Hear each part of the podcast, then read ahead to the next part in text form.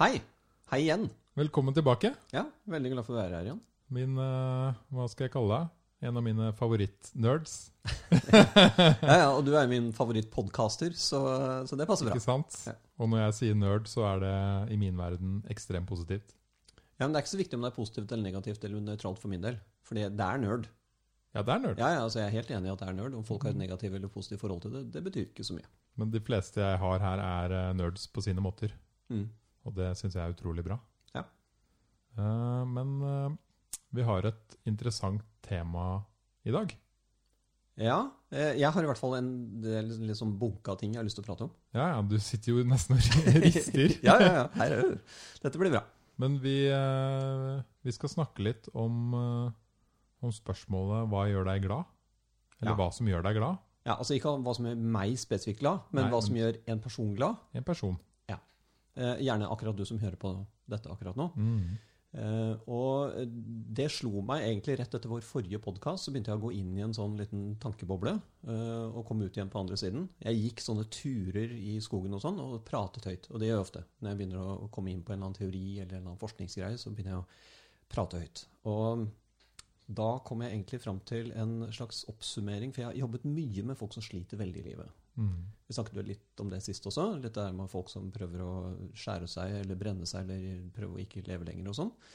Eh, og så har jeg jobbet kanskje med ja, noen titalls, kanskje 100-200 personer som har slitt veldig i livet. Da. Og det er en veldig stor, stort spekter av hvorfor, skulle man tro. Altså Folk vil ikke leve lenger fordi de sliter med sykdom, eller de har voldsom migrene, eller de har blitt eh, gjengvoldtatt når de var 13 år gamle, eller de sliter i livet fordi de har eh, vonde drømmer etter ting de har sett i en krigssone. Jeg har altså vært borti det også. ikke sant? Eller de har ikke noe formål med livet og har bare gitt opp. Altså Det, det finnes veldig mange tilsynelatende veldig forskjellige grunner til hvorfor folk ikke ønsker å leve. Ja, de trenger jo, som du sier, ikke være så ille heller. Nei, nei Altså- og jeg hadde et eksempel med en, eh, med en 16-åring som, som egentlig ikke hadde noe dårlig liv i det hele tatt. Han bare hadde ikke noe lyst til å leve. eh, Og hadde gitt opp, egentlig. Og han kunne lett fikse en sekser i matte, og jeg spurte ham ja, kan du faktisk gjøre det. liksom? Ja, Så gikk han neste prøve, så kom han tilbake med en sekser. Altså Han kunne fikse hva som helst. Han hadde fantastisk familieliv, alt var veldig greit, men han hadde ikke lyst til å leve. Og så har jeg tenkt på hva er fellesnevneren? Blant alle de personene jeg har hjulpet Nå skal ikke dette bli sånn veldig depressivt uh, podkast om folk som ikke ønsker å leve lenger. Det er ikke det som er poenget. Men når jeg ser på både de og alle andre jeg har hjulpet, som ikke er i den situasjonen, men som også har sånne vonde dager eller sliter i perioder i livet, eller sånt, hva er fellesnevneren til at folk ikke er glad? Mm. Og hva er fellesnevneren til at folk er glad? For jeg har jobbet enda mer med folk som er glad da, enn de som er deprimerte. Men jeg bare ser på hva er grunnen til at folk er glad eller ikke glad. Og da slo det meg hva som egentlig er den fellesnevneren. Og her kommer det. Det er Bring it on. ja, og det er at folk definerer lykke i form av en tilstand. Eller flere. Og her kommer det. Eh, folk tenker ja, hvis jeg bare får meg det familielivet, da blir jeg glad. Hvis jeg bare er brannmann før jeg er 25, da blir jeg glad. Hvis jeg bare får den drømmejobben, da blir jeg glad. Hvis jeg bare tjener en million i året, da blir jeg glad. Hvis jeg får gull i OL, da blir jeg glad. Eller det negative, bare jeg blir kvitt hodepinen, da blir jeg glad.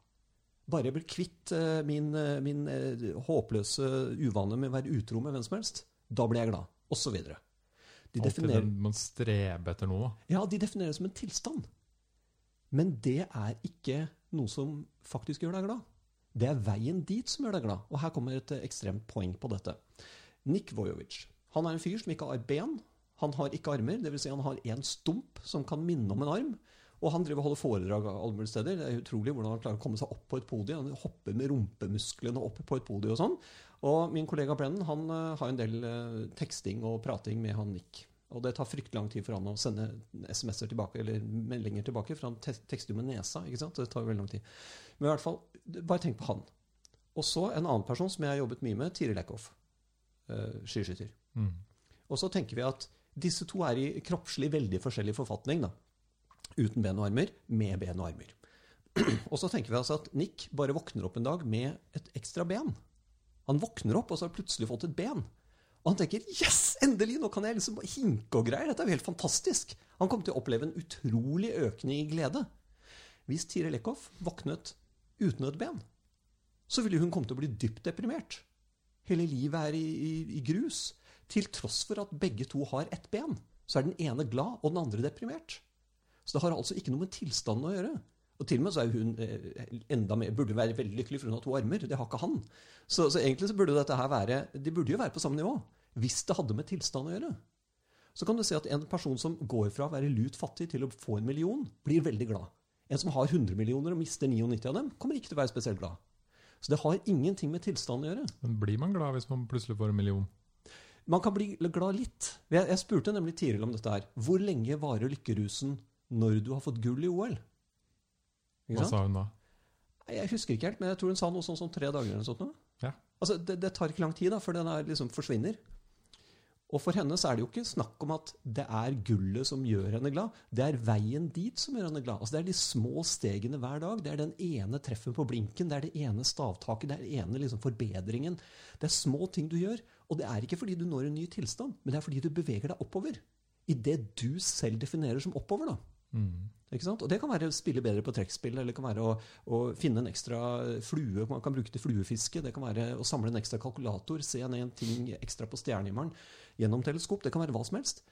Bare det er noe du definerer som oppover. Så glede er ikke en tilstand. Glede er en vektor.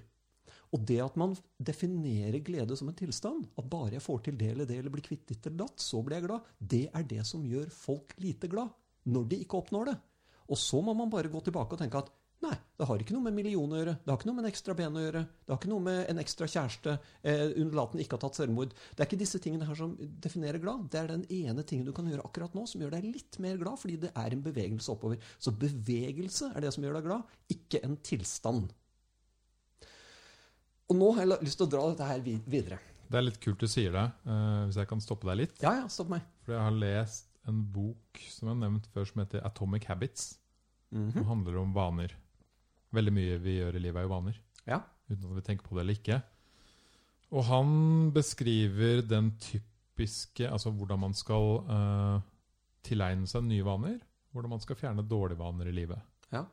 Og veldig mange som skal få seg nye vaner, de setter et mål. Om, seks, nei, om tre måneder så skal jeg jogge maraton. Og så trener du veldig hardt i tre måneder. Og så klarer du det maratonet. Og hva skjer etterpå? Du havner rett i sofaen igjen. Ja, ja. Ikke sant? Det er akkurat det. Og han beskriver da eh, Da har du på en måte satt i gang med feil mål og feil tanker rundt hele prosessen. Mm. Rundt der du vil. Mm. For det du egentlig kanskje vil Hvorfor gjør du egentlig det? Hvorfor skal du egentlig klare å løpe maraton? Er det fordi du vil bli en sunnere person? Er det fordi du vil bli en person som løper? Er det fordi, hvordan, hvordan kan du tenke mer langsiktig på det målet? Hva skal skje etter maratonet? Ja. Hva skal skje i mange år etterpå?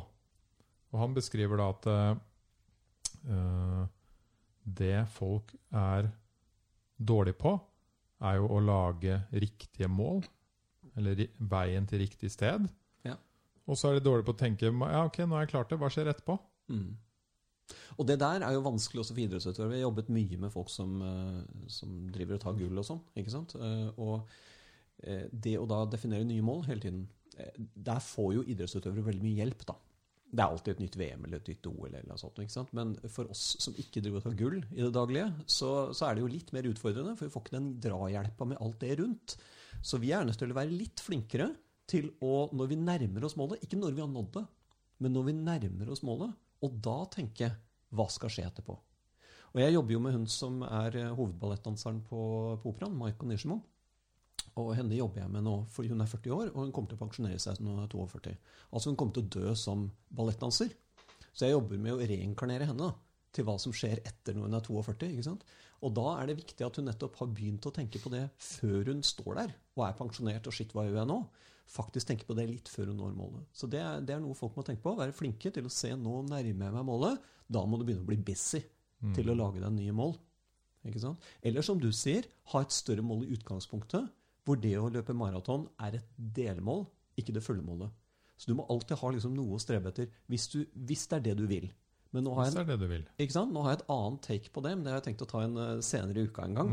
På en annen podkast. eller ikke en podkast, men vlogg, eller hva det er for noe. Eh, for jeg har reservert akkurat den til Katrine Skovli, som eh, Mm. spurte kan vi snakke om dette her med å sette seg mål eller ikke sette seg mål.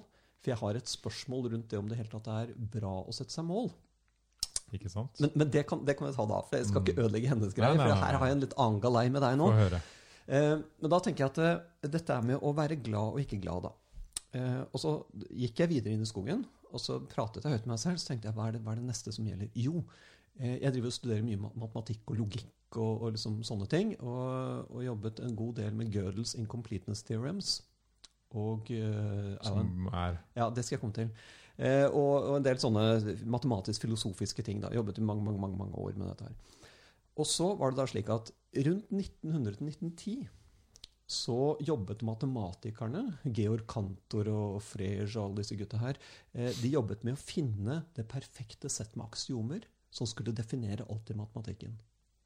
Ved å få et sett med grunnregler i matematikk, sånn som hva er pluss, hva er minus, hva er ganger hva er, Altså noen sånne konkrete, veldig grunnleggende aksiomer. Aksiomer betyr eh, det noe bygger på, da.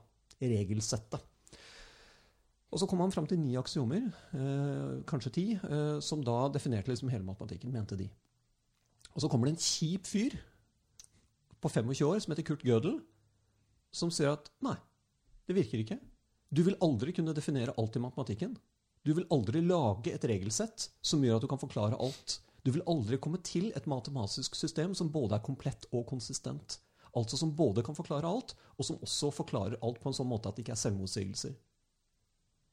Og sier nei, nei, det Jo, beviset er veldig tydelig. Det er kanskje den eh, mest fantastiske intellektuelle prestasjonen i menneskets historie, det han gjorde der, på begynnelsen av 1900-tallet. 25 år. Kurt Gödel. Incompleteness theorem. Og han beviste en gang for alle at du aldri vil komme til å forklare alt i matematikken. Og så sier de at ja, jeg skjønner at jeg ikke kan forklare akkurat dette her, den lille rare tingen der borte, men da kan vi endre regelsettet slik at vi forklarer det. Ja, sier han, men da vil du finne et nytt corner case borti her. Som gjør at du ikke forklarer det. Ja, ja, men da endrer vi på aksiomene slik at vi forklarer det. Ja, og sånn kan vi fortsette. Ja, ja. I all uendelighet. Med andre ord, du vil aldri noensinne finne et komplett regelsett som forklarer alt i matematikk. Da ble matematikerne lei seg. Og jeg tenker det er jo helt sykt. Mm. Det er jo latterlig. Fordi man burde bli lei seg hvis det var forklart. For da var jo matematikken ferdig. Men nå, når, når, eh, når eh, Kurt Gödel kom til dette her at eh, du aldri kan forklare alt, så burde, så burde man tenke at oi, det burde vi være kjempeglad, for da kan vi alltid finne nye ting i matematikken. Da er det alltid en vektor, alltid en mulighet for å bli glad. Hadde det vært perfekt, så hadde det vært lukket og låst. Derfor tenker jeg at all religion tar feil. På ett punkt. Ja. Fordi nirvana er feil, himmelen er feil, limbo er feil. Alle disse tingene her er helt gærent. Fordi du ville aldri være lykkelig om du skulle sitte på en rosa sky, vanne potteplanter og spille trompet resten av livet. Eller resten av universet. Resten av uendeligheten. Du vil aldri være glad hvis du kom til nirvana. Det å bevege seg mot nirvana, det er glede. Å havne der, grusomt. Ingen eventyr, ingenting som skjer. Det er bare liksom-lykke. Og den lykken den var i tre dager, da. Du har fått gull liksom i OL. Mm. I all uendelighet så har du det, sitter der og koser med det gullet. Du gjør deg ikke lykkelig.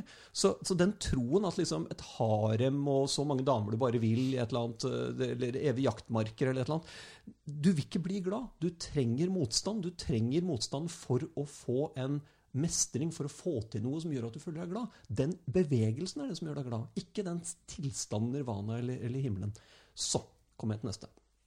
Og det er nå, i denne eh, tiden, så jobber fysikerne på nøyaktig samme greia som matematikerne gjorde for ca. 100 år siden. Nemlig prøver å finne a theory of everything. Hvordan kan vi eh, smelte sammen kvantemekanikk og gravitasjonsteorien, altså Einsteins relativitetsteori, som jo forklarer ting i store spenn i universet. Gravitasjon er svære ting. ikke sant? Det er sånn galakser og ting som er langt unna. og sånn. Og kvantemekanikk er ting som er bitte, bitte, bitte, bitte smått. Partikkelfysikk. Og der er det matematisk veldig stor forskjell på disse to teoriene. De er ikke kompatible. De kan ikke settes sammen på en enkel måte. Og så tenker man bare man får gjort det, bare man får satt sammen kvantemekanikk og relativitetsteori, så finner man the theory of everything. Da vil man kunne forklare hele universet.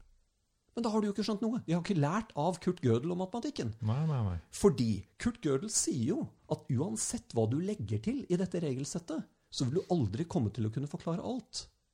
Og så kommer noen og sier at jo, jo, men fysikken er annerledes enn matematikken. Mm. Og da er mitt motargument følgende. Han sa uansett hva du legger til i matematikken, så kan du aldri komme til å forklare alt. Vi, kan vi være enige om at matematikken eksisterer? Ja. Matematikk, ja, ikke sant? Ja, ja. Matematikk eksisterer. Det fins jo Ja, ja. på et eller annet nivå. Så hvis vi tenker oss hele eksistensen, inkluderer matematikk, og alt fysisk, og alle tanker og alle ideer og alt sammen Eksistens i seg selv er en svær greie. Og hvis matematikken er en subsett av eksistens, altså er en del av eksistensen, og man sier at uansett hva du legger til i matematikken, så vil du aldri kunne komme til å forklare alt. Så vil si at uansett om du legger til alt som fins i eksistens på toppen av matematikken, så vil du heller aldri komme til å kunne forklare alt. Med andre ord, du kan aldri komme til heller en fysisk theory of everything. Nettopp fordi, uansett hva du legger til, vil aldri bli komplett. Så universet kan ikke være komplett og konsistent. Det gjør også at universet kan ikke være deterministisk. Med andre ord, universet kan ikke være slik at det startet i Big Bang, og så vil alt skje bare man, eh, man kan regne ut alt. Det var Laplace som sa dette en eh, matematiker, som sa det at eh, hvis du kjente til en, en total tilstand i universet, og alle reglene i universet, så kan du regne deg fram til alt som skjer. Det er determinisme. Men det kan ikke være tilfellet. Ganske enkelt fordi universet kan ikke være komplett og konsistens, konsistent pga. Kurt Gödels eh, incompleteness theorem. Og dermed kan det heller ikke være deterministisk. Dermed kan heller ikke det stemme at hvis du vet alt og alle reglene For alle reglene fins ikke. For det vil aldri komme til å komme til et regelsett som er komplett.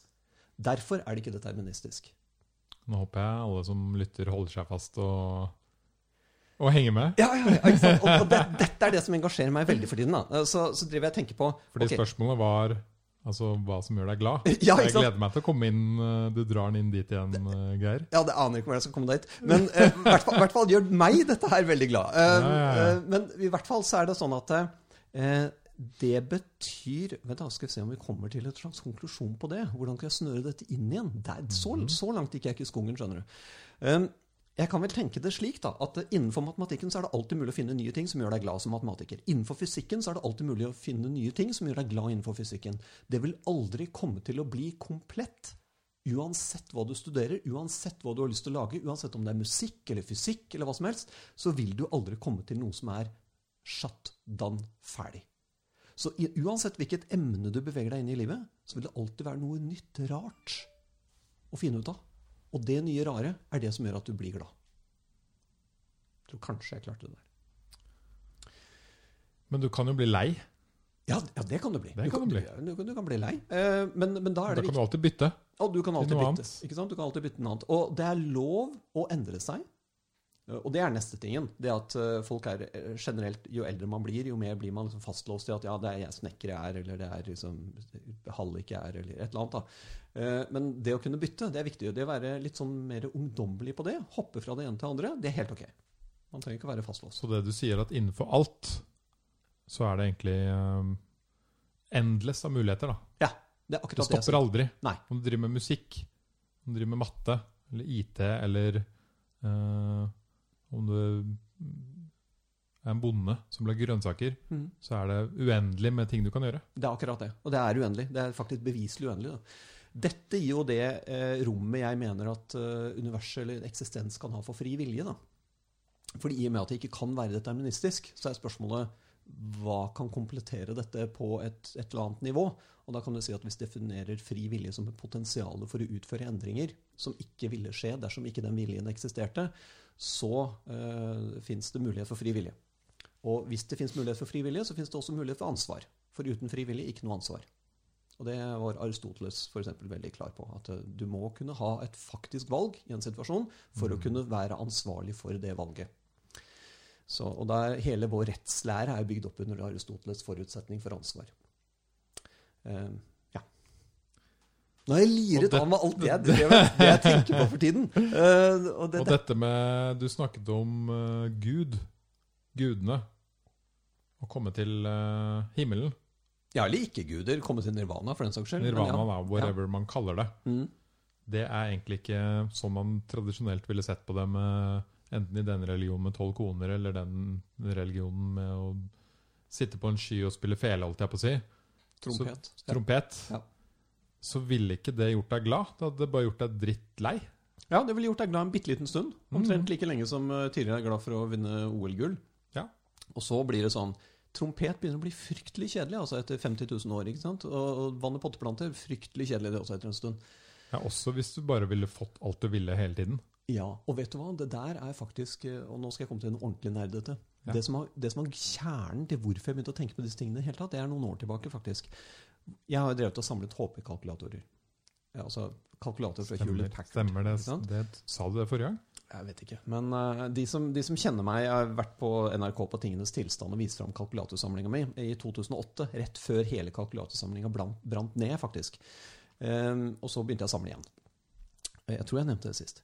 Og da, uh, en, en dag, noen år siden, tre-fire år siden kanskje, eller fem år siden, så lå jeg i senga og så tenkte jeg, hvordan ville det vært å få alle de kalkulatorene jeg har lyst til å samle, i perfekt ny tilstand? Og så lå jeg smaktelig Jeg var sånn halvvåken. Hadde ikke ordentlig våkna om morgenen. Og så drømte jeg om dette her å samle kalkulator, og hvor fantastisk det hadde vært. Og, så og så ble jeg plutselig litt lei meg. Fordi jeg tenkte ja, det er ikke noe gøy, bare ha dem. Så poenget med å samle kalkulatorer er ikke å ha dem samlet, det er å samle. Og det samme kan han Hele tenke prosessen. Det er prosessen, ikke sant? Og Du skaffa en ny her, det tok et par år. Oi, da Ja, fikk ja, du tak i den spesielle der. Og så, Wow! og, og så kom den opp på eBay, og så kjøpte jeg den. og så, å, Dritkult. ikke sant? Men dette her kan jeg gjøre med en hvilken som helst person på en kafé. Du kan gjøre en øvelse som er følgende. Du kan gjøre det med deg selv akkurat nå. Legg deg tilbake, og så tenker du at ok, hva er det du har lyst til å oppnå i livet? Nå kan jeg gjøre det med deg nå. Mm. Kom igjen, Henning. Hva er det du har lyst til å oppnå i livet? Gi meg noe du har lyst til å oppnå. Jeg har lyst til å oppnå at eh, jeg kan leve av den podkasten her. Ok, bra. Nå later vi som at det er oppnådd. Nå kan du leve av den podkasten. Mm. Bra. Neste. Da har jeg lyst til å Skal vi se Finne et fint sted å bo. Ja, flott. Nå har du et fint sted å bo. Ja. Ok, neste. Da har jeg lyst til å eh, plante noe grønnsaker og sånn til meg selv. Ok, flott. Du har en kjempesvær grønnsakshave. med Ja, masse du- Alt du har lyst på. Det har du nå. Neste. og så har jeg jo sånn media-nerderom. Ja, du har det beste media-nerderommet i verden, har du. Ok, neste. Og så har jeg faktisk en uh, egen sånn superkokk Ja. som lager bare den sunneste, diggeste maten. Og det har du. Ikke sant? Og du har så mange barn, og du har så mange hunder, og du har så mange dyr, og du har så masse flott Ikke sant? Hvis du bare helt- fortsetter med den Mm. linja der, og ligger sånn og fantaserer om at du ikke oppnår det, men at du har det. At du har alt. Og hvis du drar den langt nok, så vil du se enten hos deg selv, hvis du bare tenker på det, at du blir ikke spesielt glad etter hvert. Nei. Og hvis du prøver det på en person på en kafé på byen, og bare tar denne som jeg gjorde med deg nå, bare drar den mye lenger, det har vi ikke tid til nå, så vil du se at personen ikke blir glad. Han blir faktisk litt mer dempa i humør. Og Jeg merka at jeg sleit litt med å finne på ting etter hvert. da. og det også, ikke sant? Men så blir det sånn Ja, da har jeg alt, da. Hva skal jeg finne? Hva, det, Ja. Shit, ikke sant? Grunnen til at folk går på kino, er at de vil ha eventyr. De vil ha eventyr, de vil oppleve litt av det Indiana Jones opplever, eller litt av det som skjer i Star Wars. ikke sant? Så de vil jo ha eventyr. Man vil ikke ha en tilstand hvor man bare har alt man ønsker seg. Det er ikke noe glede i det. Det er en tilstand av ikke det å ha et spill. Man vil jo ha et eller annet form for spill i livet. Mm. Ting man kan glede seg over fordi man oppnår noe. Så det er oppnåelsen av noe, ikke det å ha det, som er det viktige når man snakker om glede. Og så ville jo ikke alt vært uh, Du ville jo ikke vært Hvis du var glad hele tiden og aldri hadde noen kjipe opplevelser, så hadde du egentlig ikke visst hva det var å være glad. Riktig. Og da blir det også en tilstand av bare at det, det på en måte fader. da. Gleden fader fordi du blir vant til det. ikke sant? Mm. Så det er en, det er en eh, viktig ting. Og da tenker jeg at jeg har lyst til å gi noen konkrete tips. Hvis de har folk de slit, som sliter i livet rundt dem, og du har lyst til å hjelpe dem, så fins Og det så tror jeg det Bare for å eh, Det å diskutere det her i Norge er veldig bra.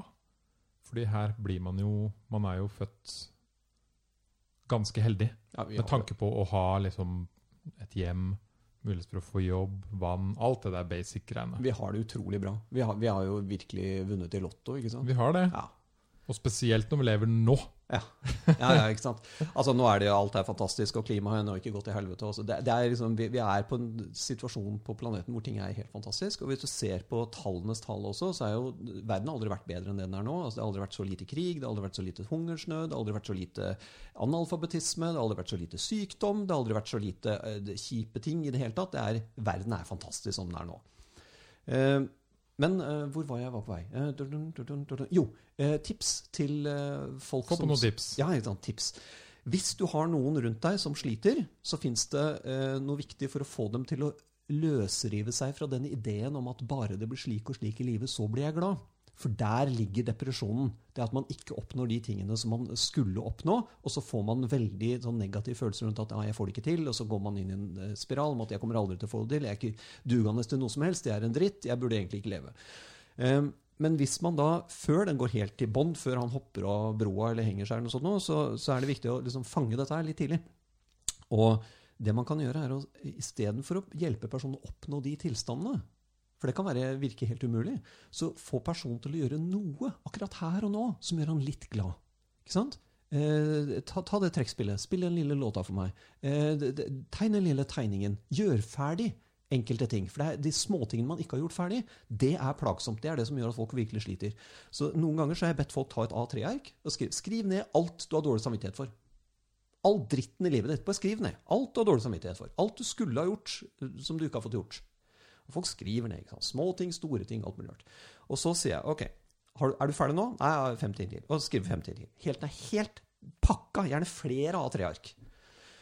Og så Fy fader, det er utrolig mye dritt som jeg ikke har fått gjort. Ok, bra. Eh, hva er verst? Ja, det er denne her. Ok, da tar vi den, og så gjør vi den. Mm. ikke sant? Og så tar vi lista. Og det snakket om dette her sist også. Det har litt med det å gjøre. Bare begynne på én liten ting. Ta én liten ting og gjør den ene tingen. For det har med mestringsfølelse å gjøre. Og det å oppnå noe litt, litt bedring Skal ikke så mye til noen ganger. Bare lite grann. Ta den telefonen. Bygg det lille legoslottet ferdig. Hva, som helst. Mm. Modellflyet. Hjelp personen til å gjøre den lille tingen. Da føler man glede, og så skal man bruke den gleden til å få mer glede osv. For det handler ikke om tilstand, det handler om bevegelse i rett retning. Og den retningen det definerer personen selv. Det er ikke opp til deg å bedømme hva som skal være glad for han. Han er nødt til å definere det selv, men hjelp han i den retningen, og små steg av gangen. Veldig bra tips. Og så er det jo ikke sånn at du må uh, være på kanten til å hoppe ut av brua for å gjøre det her. Nettopp. Alle kan gjøre det her. Nettopp. Og det er derfor jeg sier fang det tidlig. Det er ikke sånn at alle som begynner å skli på en del, nedovergående greie, ender med å hoppe ut av brua. Det gjør det jo definitivt ikke, heldigvis. Uh, Men uh, hvis man har en dårlig dag, så bare Selv om du er generelt kjempeglad i livet, hvis du har en dårlig dag, så kan du ta tak i den ene lille tingen som er er det jeg egentlig burde gjort nå? Jeg burde vaske vinduer. Det burde jeg gjort, vet du. Og så bare ta seg opp etter nakken og bare vaske de vinduene. Mm. Så skal du oppleve at du kommer til å bli veldig glad. Bare for å ha gjort den tingen der. Så det å faktisk få gjort dritten, det, det gjør at man blir eh, lykkelig. Og så start i det små. Ja. Ikke liksom Trenger ikke å ta og Male hele huset. kjøpe deg en ny leilighet eller male hele huset Nei. i kveld. Nei. Men du kan ta den der øh, oppvasken. Eller du kan ta rødvin med naboen. Ja. Eller tusle deg en tur. Eller tusle deg. en tur. Ring en venn. Ikke sant? Ring en venn. og det er, det er disse småtingene. Som, og husk at hver eneste ting du oppnår, lykken er veldig veldig kortvarig. Så du må alltid finne på noe nytt. Du må alltid gjøre et eller annet nytt som gjør deg glad. Og det kan være forskjellige ting. Være Høre på den lille plata som du ikke har hørt på lenge. Det kan være at du skriver ferdig den lille historien. Det kan være fortelle en eh, historie til ungen din før han legger seg, osv. Det kan være masse masse ting man kan gjøre som Mm. gjør deg glad. Men du må gjøre noe. Men så skjer det jo også kjipe ting i livet. Ja. Du er, man er ikke glad hele tiden. Å nei. Og, Nei. Og, det, og det er nettopp det som er bra. Og det var vi inne på i stad. Hvis, du ikke har, eh, hvis du ikke har daler, så har du ikke fjelltopper. Mm. Ja. Hvis, da har du bare høyfjell. Jeg hadde jo en uh, annen her på Raymond på podkasten her. Uh, og han fortalte plutselig på slutten at uh, kjæresten hans tok livet sitt for ett og et halvt år siden. Ja. Og, da sa, og så sa jeg men du ser jo veldig glad ut nå. Og så sa han ja, selvfølgelig. Mm. Jeg har uh, hatt min sorg. Og det må man jo ha. Og vært gjennom den sorgen. Og besøker den sorgen av og til. Mm. Men jeg tjener ingenting, og hun hadde ikke tjent noen ting på at jeg skal være ulykkelig resten av livet fordi hun tok livet sitt. Og det er en interessant ting å tenke på. Det er at eh, ville hun, hvis hun hadde kunnet snakke med deg nå, sagt at vet du hva, jeg syns du skal være ulykkelig resten av livet? At hun ville jo ikke sagt det. Selvfølgelig ikke. Ikke sant? Ikke hvis hun elsker deg. Så, så det er jo noe å tenke på. Altså jeg, mener, jeg vet ikke om jeg nevnte det på siste podkasten, men min mor døde i mine armer. Og, og det er en opplevelse jeg syns var fantastisk eh, fin, eh, sånn i ettertid. Altså Det var jo Mm. grusomt og alt det der. Men hun faktisk strøyk med mens jeg forsøkte å redde henne. liksom. Og, og 113 var på vei, og helikopteret kom og landa i området rundt. altså Det var ganske dramatiske greier. Fikk hjerteinfarkt og sånn. Eh, så jeg, jeg var der i 20 minutter mens hun døde. Eh, og i ettertid så vil jeg si at det var en veldig bra opplevelse. Og ikke bare fordi jeg fikk kjenne på noe dritt, og så fikk jeg oppleve noe bra etterpå, men jeg var glad for at jeg var der når hun døde, altså som det siste hun så.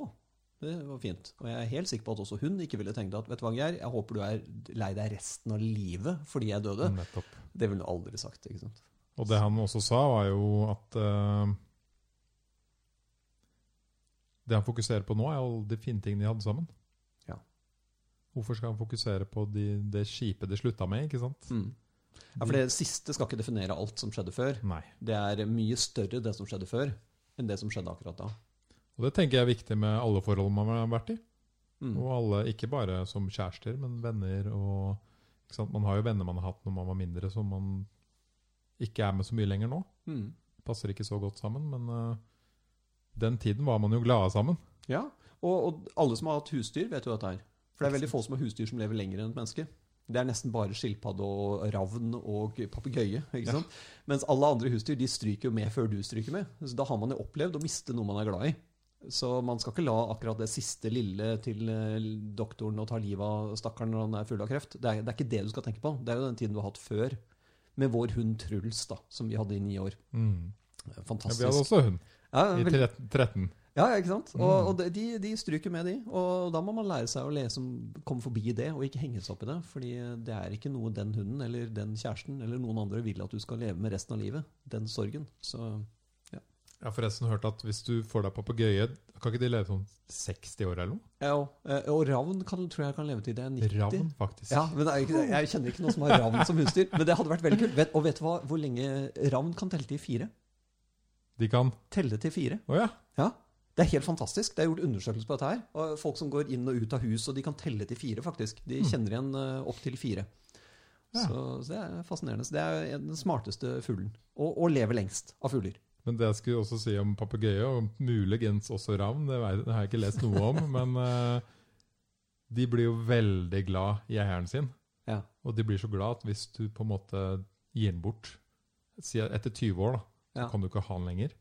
Så blir uh, ofte papegøyer så lei seg at de liksom De spiser ikke lenger, og de tar sakte, men sikkert livet sitt. ja.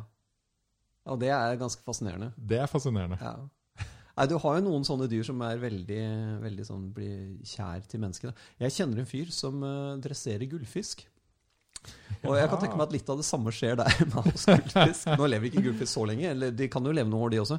Men han dresserer faktisk uh, gullfisk. Så, eh, med sånn blått lys, og får dem gå gjennom sånne hoops and loops i akvariet og sånt. noe. Og, og faktisk agility, sånne baner da, Mm. i gullfiskbollen. Morsomt. Det er veldig gøy. Det som uh, er spennende også med hva som gjør deg glad Jeg sa jo det før vi starta her, at uh, mentoren jeg hadde i Innovasjon Norge For der var det en veldig, veldig smart kar som het Rodin. Mm. Og han uh, så jeg alltid opp til. Han var liksom en smarting. Så en dag spurte jeg du, kan ikke du bli mentoren min.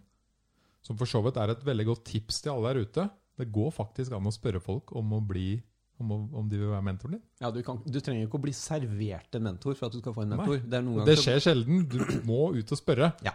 Ta skjeen i egen sånn hånd. Kort tips. Uh, og så sa jeg kan ikke du bli mentoren min? Så han jo, det er jo kjempekult at jeg kan være det for deg.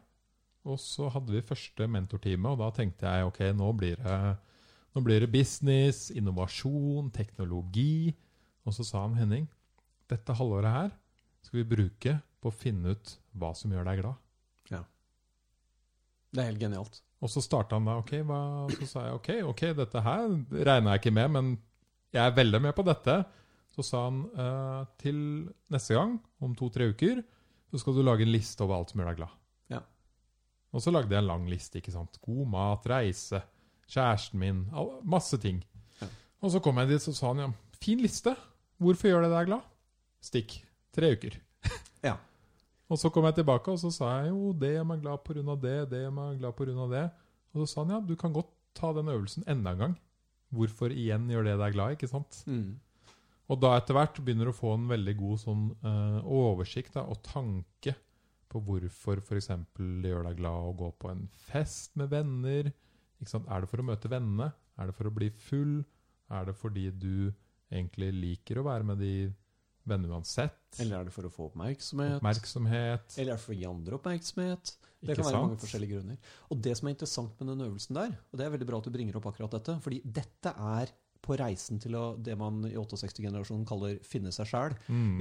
Altså Istedenfor å gå ut i skogen og prøve å finne seg sjæl og lete rundt hvor jeg har mistet meg selv hen. Men altså, dette her det er en bedre øvelse, fordi ved å definere hva som gjør deg glad, og hvorfor det gjør deg glad, og hvorfor det virkelig gjør deg glad, og så begynner du å se fellesnevner, der finner du kjernen i hvem du er. Mm. Du skal ikke definere deg selv på hva som ikke gjør deg glad, eller hva du ikke liker. Du skal forsøke å definere deg selv gjennom hva som gjør deg glad, hva du trigger på, hva som er motivasjonen din, og ikke minst da finner du tak i passion hos deg selv. Nettopp. Og den kan endre seg. Husk at vi er alle i endring.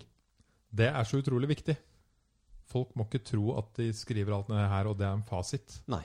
Fordi hadde jeg gjort den øvelsen i dag, nå er det sikkert syv år siden jeg gjorde den, Mm, så hadde det vært en del endringer. det er akkurat det. Og jeg tenker det at eh, når jeg ble sammen med min ekskone, eh, Katrine, så, så skjedde det eh, en uke etter at jeg hadde skrevet en liste over hva som, eh, hva som er det perfekte babyen for meg. Altså dama. Så jeg, og jeg skrev ned, altså var helt dønn ærlig. ikke sant? Mm. Altså, den type form for humor og store pupper. Altså, alt, altså Både fysisk og mentalt. ikke sant? Um, og interessert i de og de tingene og, og alt sånt. da, ikke sant? Jeg skrev ned og ratet, for jeg var så lei av liksom bare date tilfeldige damer. Så tenkte jeg nå skal jeg faen meg finne dette her. Og da eh, skrev jeg ned, og uka etter så traff jeg henne. Og Var det sånn du gikk gjennom da, lista di? Eh, Nei, faktisk ganske ubevisst, men, eh, men etter første daten så satte jeg meg ned. Og faktisk ratet henne. Det gjorde jeg. Du gjorde det? Ja, jeg gjorde faktisk det. det. Det, er, det, det er snakk om nerd, da. Uh, Men, og jeg, jeg tror nok ikke at det er at jeg møtte henne fordi jeg lagde lista. Men jeg tror ikke jeg hadde sett på henne på samme måten om jeg ikke hadde vært så bevisst på hva jeg så etter. Nei. Skjønner du? Da ville hun også vært en dame som jeg så, og så ville jeg ikke faktisk spurt henne ut på middag.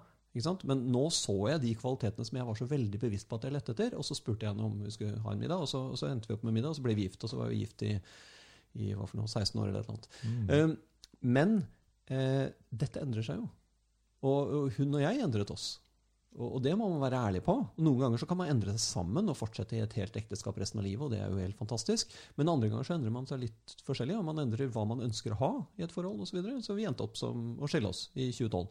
Og da, når jeg nå gjør den ratingen, for det gjorde jeg rett etter da, så så, så jeg andre ting som jeg hadde kanskje mer lyst på. Og det er ikke fordi jeg bare har funnet ut at jeg vil ha en annen type dame, men det er fordi jeg har endret meg underveis. ikke sant? Så man skal være åpen for at man endrer seg. Det er viktig. Det er veldig viktig. Og livet er jo en konstant endring, og plutselig kan noen dø. Plutselig kan du bli slått opp med. Plutselig kan du uh, bli syk, ikke sant. Det kan skje kjipe ting, det kan skje kule ting og morsomme ting. Ja.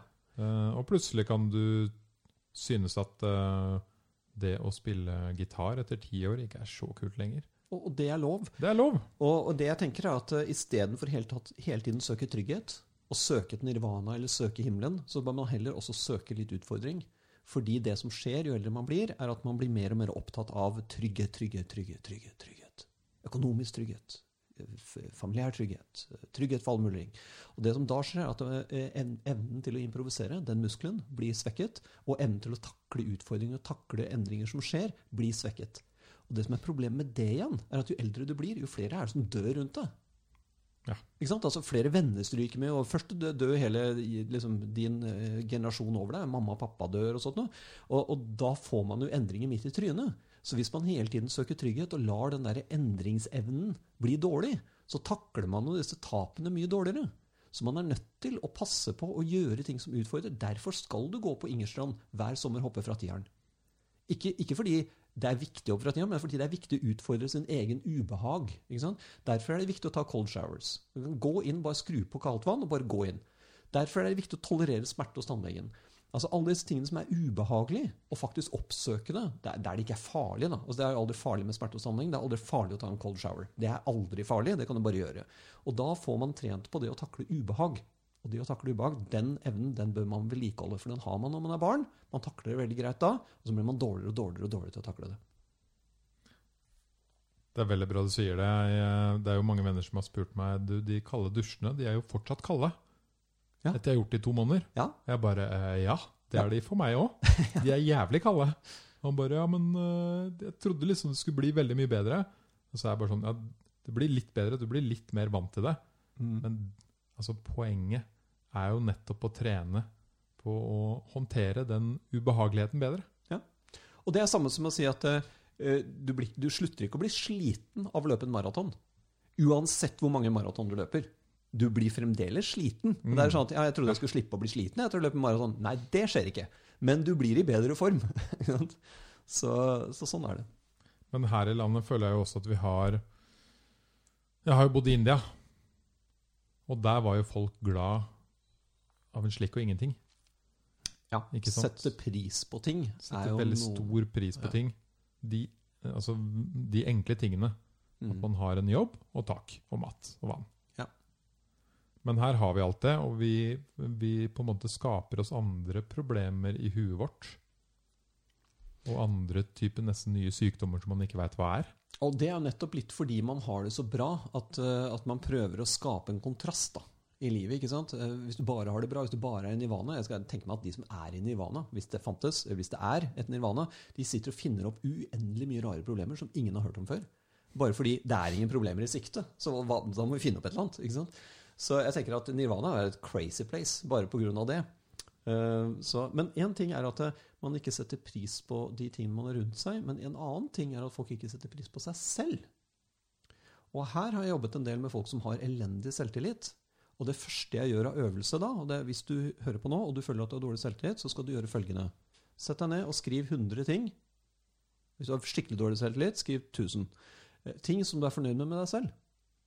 Og det er ikke bare kvaliteter og ting på kroppen, og sånt, men det også. Men også hvordan du taklet forskjellige situasjoner. Den situasjonen der det var krangel i familien, og jeg meglet mellom mamma og pappa, den taklet jeg veldig bra. Ja, bra. Da skriver du ned den. Jeg er veldig fornøyd med ørene mine. Jeg er veldig fornøyd med nesa mi. Jeg er fornøyd med puppene mine. Jeg er fornøyd med det, hvordan jeg, stemmen min. Jeg er fornøyd med. Jeg er fornøyd med humoren min. Jeg er fornøyd med at jeg kan le av meg selv i de og de situasjonene. Jeg er fornøyd med at jeg klarer å se positivt på sånne og sånne situasjoner. Hva som helst. Mentalt, fysisk, situasjoner, fortid. Alt. Skriv ned 100 ting du er fornøyd med med deg selv. Da vil du komme til å oppleve at selvtilliten din går opp. Og det er også en liten bit i det å finne seg selv. Se det positive i seg selv. Mm. Så det vi snakker om her, at du må være fornøyd med deg selv. Og da er det også ofte mye lettere å gå ut i verden, møte utfordringer, problemer, finne på ting, være kreativ, være glad. Fordi da har du det som sånn grunnstøtte, da. Ja, og det er riktig. Og så er det en annen ting er at eh, grunnen til at veldig mange er for fokusert på seg selv, er at de, de sliter med dårlig selvtillit. De har masse piler innover. ikke sant? Og eh, pilene det slipper, taket litt, da. Hvis du bare klarer å akseptere deg for den du er, og være fornøyd med de tingene du har gode kvaliteter, og anerkjenne de gode kvalitetene, finne din passion, finne hvorfor du eh, er glad på de og de tingene, hvis du klarer å gjøre dette skikkelig, og få en sånn trygghetsfølelse at jeg kan i hvert fall være happy og fornøyd, og dette kan jeg stå for, så slipper disse innoverpilene, og så kan man begynne å tenke utover i stedet. Og det er forskjell på interessant og interessert. Interessert er piler utover på andre mennesker. Interessant er se på meg. Jeg trenger anerkjennelse. Hvis du trenger anerkjennelse, så er du mer selvsentrert, mer selvopptatt og mer sårbar. Du er akkurat så sårbar i livet som du er selvsentrert. Eneste grunnen til at du bryr deg om hva andre sier, og at det går innpå deg, er fordi du har for mye piler innover. Du har for mye fokus på deg selv, du er for mye opptatt av hva andre syns om deg. Hvis du driter i hva andre syns om deg, kommer du ikke til å være sårbar. Så svaret på å bli mindre sårbar er å få pilene utover. Slippe den derre meg, meg, meg-fokuset, og begynne å gi til andre uforbeholdent.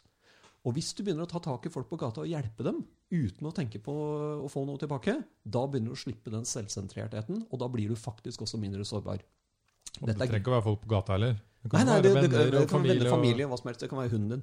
Eh, og dette var grunnen til at jeg lagde nå for fem-seks dager siden en Facebook-gruppe som heter eh, Help Without Thought of Reward. Tatt fra Star Wars 1, hvor eh, Jeg husker ikke hva han heter. Han der eh, Anakins eh, mentor, eh, Jedi Mm, Han som spilles av Liam Neeson, i hvert fall. mm. Um, som sier eh, 'He gives without thought of reward'. Det er en setning i den filmen. Og da tenker jeg 'Help without thought of reward' er, svar, er navnet på den gruppa. Og det er rett og slett en gruppe hvor folk gir uten å tenke på å få noe tilbake. For Jeg er så lei av alle disse Facebook-gruppene og LinkedIn-gruppene hvor folk er ute og gir freebies for å få business for å få oppmerksomhet, for å få noe tilbake. Så Den eneste grunnen til at man gir, er for å få noe tilbake. Men denne gruppa så gir man ikke for å få noe tilbake, men fordi de gir noe til andre, og fordi det i seg selv er bra. Så hvis du gjør mer av det, så blir du mindre selvsentrert, og så blir du mindre sårbar. Veldig herlig. Fint å høre, Geir. Jeg hadde en fyr... Folk må gi mer. Ja, ikke sant? Hjelpe mer. jeg hadde en fyr som, eh, som kom til meg og sa at vet du hva, jeg er, jeg er egentlig en drittsekk. Og jeg oppfører meg ganske kjipt mot andre på nettet. Og, men det er fordi jeg er så, jeg er så, jeg har så dårlig selvtillit. Og så, han sa dette rett ut til meg. Og fordi jeg er så feit at eh, jeg har så dårlige følelser rundt meg selv at eh, jeg lar det gå ut over andre. Hva skal jeg gjøre for noe? Og så sier jeg at jeg har én ting du skal gjøre. Ja, jeg vet hva du skal si. Jeg skal bare slutte å spise, min, jeg spiser så mye. Nei, det er ikke det jeg skal si i det hele tatt. Men jeg skal gi deg ett råd. Jeg er helt sikker på at du ikke kommer til å gjøre det. Du må begynne uforbeholdent å gi til andre mennesker. For med gang du begynner uforbeholdent å gi til andre mennesker, så går fokuset vekk fra deg selv og alle dine problemer over på problemer andre har. Det er det som kommer til å hjelpe deg. Det var det minst hadde lyst til å høre. Fordi han er en drittsekk, har ikke lyst til å hjelpe andre. Men for å komme ut av det, så må han faktisk begynne å hjelpe andre. Step by step. Step by step. Mm. Å gi kan man jo gjøre på mange måter. Å Og hjelpe. Ja. Gi noen eksempler, da. Det kan være nå i disse koronatider litt vanskelig å gi folk en klem, men eh, det, man kan gi folk en klem, da. Ikke sant? Eh, Man kan sette seg ned og bare høre på personer, og og gi dem oppmerksomhet. Og kanskje være den som setter seg ned og bekrefter ja, jeg forstår. Jeg skjønner at det er det du sliter med. Og det er ikke alltid du trenger å gi et godt råd heller. Bare være den som personen kan snakke med, og som faktisk setter seg ned og gidder å prøve å forstå. Noen ganger er det akkurat det som skal til. Andre ganger så er det fysiske ting. Jeg kan hjelpe deg å slå plenen. Å ja, du har vondt i ryggen. Ikke noe problem, jeg kan handle for deg. Eller ikke sant? Jeg, jeg kan plukke deg opp på den eh, festen etter at du slipper å liksom, ta nattbussen hjem eller gå hjem 15 km. Altså, det fins masse småting. Jeg kan lese høyt for deg. Ikke sant? Eh, Kan, kan ikke vi bare komme sammen og spille et brettspill? Det kan være sosialt. Det kan være hva som helst. Men det aller enkleste det er å spørre personen hva er det du vil ha som hjelp. For noen ganger så tror man at man hjelper andre ved å gi noe man tror hjelper den andre, men som kanskje ikke er det den andre personen vil ha. Still heller spørsmålet hva er det du ville sett på som hjelp. Mm. Hvis jeg kunne gitt deg noe, hva skulle det vært? Problemet mitt har vært der før at uh, spesielt de som har det veldig, veldig, veldig kjipt, de tør, tør ikke å spørre om hjelp. Nei. Og da eh, kan du, du kan lure dem til å allikevel spørre. Eh, vi har gjort noen sånne rare triks noen ganger. Eh, en av sønnene mine sto, vi hadde på kino, da, og så skulle han velge sjokolade. Og så var vi for sein til kinoen, og så lurte han jeg vet ikke hvilken sjokolade jeg skal velge. Og så sier jeg, ok, så hvis du visste hvilken sjokolade du skulle ha valgt, da, hvilken ville det vært? Ja, da ville det vært den. Ok, bra, da tar vi den. Så. Så noen ganger så kan du på en måte trikse folk til å Ikke for å være slem, men bare rett og slett for å få dem på glid. Mm. Og da hender det at jeg stiller spørsmålet eh, Hvis du hadde turt å spørre om hjelp nå Hvis du hadde turt å spørre meg om hjelp nå Bare glem at du ikke tør, men bare hvis du hadde turt å spørre om hjelp, hva slags hjelp hadde du spurt om? Nettopp. Ikke sant? Og så bare ta ned lista for å spørre om hjelp. Eller bare si at vet du hva, nå skal jeg tvinge deg til å spørre om hjelp. Altså Jeg kommer ikke til å gå herfra før du spør meg om en eller annen form for hjelp. Så kom igjen. Og da får du personen til å Ok, greit, jeg spør om hjelp, da. Kan du hjelpe meg med dette? Kan du hjelpe meg om jeg har en studiegreie som jeg ikke vet hvordan jeg skal fikse? Jeg sliter i matematikk. Ok, da gjør vi det. Mm. Det er også så funka. Nå, nå snur jeg det litt på huet her, da, men de personene turte ikke å spørre meg om hjelp, selv om jeg spurte dem. Jeg prøvde ikke å lure dem til å si noe. Eh, Men det som funka bra, var at jeg spurte dem om å bli med og hjelpe meg med noe. Ja, og det er også en annen ting man kan gjøre som er veldig lurt at du sier. Enten hjelpe deg med noe, eller bare hjelpe dem til å hjelpe noen andre. Hvis det er det som skal til. Ja. Ikke sant? For der fikk jeg dem inn i en setting hvor jeg kunne skryte av dem, kunne henge med dem, Ja. og de fikk gjort noe. For det er den mestringsfølelsen, og litt av problemet ved at du hele tiden hjelper en eller annen spesifikk person, det er jo at eh, vedkommende ender opp i en sånn offerposisjon. At liksom, ja, skal du ikke komme og hjelpe meg mer nå? Ikke sant? Jeg trenger mer hjelp. Eh, Nå trenger jeg mye mer hjelp, nå trenger jeg masse hjelp. Og så endrer man opp i en sånn person som bare tar hjelp. Den beste måten du kan hjelpe andre på, er å få dem til å hjelpe andre igjen. Så hvis du klarer å dytte den personen, først hjelpe den, så han kommer opp, får noen form for selvtillit, av mestringsfølelse, og så vri det til at nå skal du, kjære vennen min, begynne å hjelpe andre igjen. Så det er eh, Vi snakka jo litt om dette med passion forrige gang. Ja. Det henger jo litt sammen med det å være glad. Det gjør det, vet du. Fordi jo mer du gjør som du har passion på, jo mer kommer du til å føle glede. fordi da går du i den retningen som du mener er positivt. Og så lenge du beveger deg i den retningen stegvis, så vil du komme til å få den der eh, følelsen av at 'å, dette er glad, eh, dette gjør meg glad', 'dette er digg', dette, og 'dette fòrer passionen min'. Så fòrens passion er viktig. Og hvis du klarer å gjøre noe som er passionate, som også inkluderer andre mennesker, så kommer du til å få enda mer ut av det. For da får du en sånn vekselvirkning med passion med andre. Hvis du sitter og bare stabler stein på stranda og er helt aleine, så du kan ha passion på det også, men det er vanskelig å bibeholde den over tid. For det er ikke noen form for uh, utveksling av erfaring eller av følelser. Så hvis du klarer å gjøre noe med andre, sammen med andre, bygge opp andre, så hadde det vært enda bedre som passion. Det er min Ja, erfaring. og det er litt sånn, Jeg har jo hatt flere venner etter forrige praten vi hadde sammen, som sier at uh, 'jeg veit ikke helt hva persmina min er', 'jeg tror kanskje det er det', eller så er det kanskje det, eller så er det det. Men jeg klarer ikke helt å begynne med de greiene. Veit ikke helt hva jeg skal. Og så har jeg sagt dem, men velg en å begynne, da. Ja. Og så bare ja, det, jeg veit ikke, jeg jobber mye, så det er litt vanskelig å bare begynne med den. Så sa jeg, men du jobber jo ikke hele tiden. Når kan du begynne? Nei, det Kanskje i helgene. Og så sa jeg ja, men har du spurt noen om hjelp? Eller altså, har- du spurt om noen vil bli med Ja. på å lage dette her? Ikke nødvendigvis om hjelp, men om noen vil være med på det. Har du spurt meg? Har du spurt de der som kan de tingene der? ikke sant? Nei, jeg har ikke det. Men nei, men det For å komme i gang og finne ut om det er din passion, så må du begynne. Og det er jo det der med å begynne som er det vanskelige ofte. da. Ikke sant? Det er det. Fordi, fordi alle, Vi har prøvd å dytte i gang en bil, og det å starte å dytte en bil er fryktelig tungt. Men når du først har begynt å rulle, så er det mye lettere å holde farta. Det er ikke noe problem. Ikke? Så det å komme i gang, komme ut av sofaen, gjøre det første 15 gangene, det er det som er vanskelig. Og så er det det at man gir opp før det blir kult. Ja, og at eh, Før det har liksom blitt en vane å få den der eh, følelsen av passion tilbake. Før det skjer. Jeg hadde en interessant eh, opplevelse forrige helg, eh, hvor det sto eh, noen eh, barn og skulle hoppe, stupe et eller annet fra en eh, brygge. Og, og hun ene hun eh, opplever at eh, liksom alle de andre i klassen eh, Hun er vel eh, 16 eller noe sånt. De andre i klassen de, de kan liksom hoppe fra femmeren og sånn. Jeg tør ikke. Ok, Og vi sto der og hjalp henne til å hoppe. Ikke fra femmeren, jeg tror det var fra treeren eller fireren. eller sånt. Helt til hun faktisk gjorde det. Og én ting er å hjelpe folk til å gjøre det, men det som kommer etterpå, er enda viktigere. For det første, opp igjen, hoppe en gang til. Ja. Bra, Det er nummer én. Og så etterpå, ta det med henne og si at vet du hva, den følelsen der, beskriv den følelsen du nå har for meg. Ikke bare klapp, klapp, klapp, og så kjører vi hjem. Nei, nei, nei. Den session etterpå, den er dødsviktig. Hvordan er den følelsen? Beskriv den for meg. Bra. Og så er det neste. Den følelsen der, den kan du få på hva som helst i livet når du utfordrer noe du ikke tør, men allikevel gjør det. Den følelsen er din hver eneste gang du gjør et eller annet som du ikke tør. Og få dem til å forstå akkurat det. Anerkjenne den følelsen, anerkjenne det de har gjort. Ordentlig grundig. Ikke bare gi dem 200 kroner fordi de vant et veddemål, men faktisk ta den virkelig dype snakken der om følelser. Den er viktig. Jeg har jo en, jeg har jo en kompis som alltid har stupt fra tieren. Helt Ja. til i år. Ok. og dette er da litt med å, at det er lov å endre, litt, endre seg litt underveis. Ja. Fordi i år sto han på toppen av tieren, og han har alltid gjort det siden han sikkert var 10, ikke sant? Nå er han 31 eller 32. Og bare denne gangen her gikk det ikke å stupe fra tieren. Og der skulle jeg så gjerne vært. ja, du skulle gjerne, å, å, gjett om han, han hadde ikke kommet ned før han hadde stupt. Han hadde ikke det? Nei, nei, ikke faen. Han trenger Hva hadde du sagt til ham, da? Nei, jeg hadde fått han til å beskrive den følelsen. da. Eh, Hva er følelsen av å klare det, liksom? Og, og så er det sånn at eh, du vet så lidderlig godt at når du går opp og så stuper, så blir du eh, to millimeter større. For du har overvunnet frykten, ikke sant? Men hvis du går opp, titter ned og går ned igjen, så blir du ikke to millimeter mindre, du blir to centimeter mindre.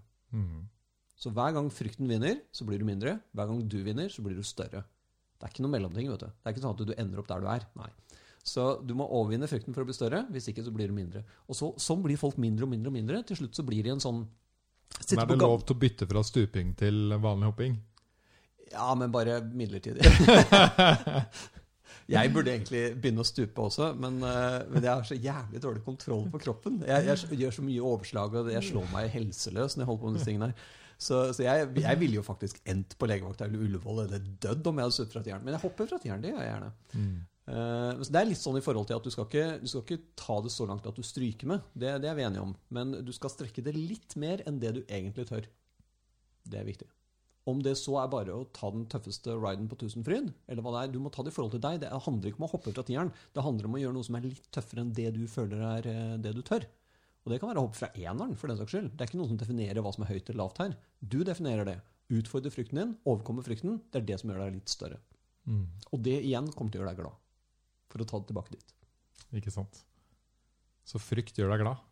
Frykt, Overvinne frykt. over, ja, frykt er en mulighet, og overvinner du den, så kommer du til å bli glad. Mm. Og det Det kan man tenke inn for alt. Frykten for å holde en presentasjon, eller frykten for å hoppe fra tieren, eller Definitivt. frykten for å søke på ny jobb. Ja. Frykten for å tørre å starte et eget selskap. Det kan være. Men dette her med å ta en presentasjon, f.eks. Jeg har gjort veldig mye av coaching på å få folk til å tørre å stå foran andre og ta presentasjoner. Det er en, eh, en frykt som er viktig å overvinne. Og særlig fordi konsekvensene er nesten aldri farlig. Nei. Det å stupe fra tieren, det, det kan du teoretisk dø av. Men du kan ikke teoretisk engang dø av å stå foran noen og holde en presentasjon. Det, det er jo utelukket at du stryker med. Så, så det er jo ikke farlig. Eh, Selv om man tror det når man står der. Nei, men den liker jeg. Men i Norge så skal man jo være så trygg. Ja, den følelsen av hele tiden Hæ? bygge trygghet og sånt noe, nei, ikke bra. Alltid være trygg, og du skal, du skal få deg en jobb, og så skal du holde på den. Og så skal du gjerne ikke starte egen bedrift. Ja. Det er veldig annen kultur her enn f.eks. i USA, da.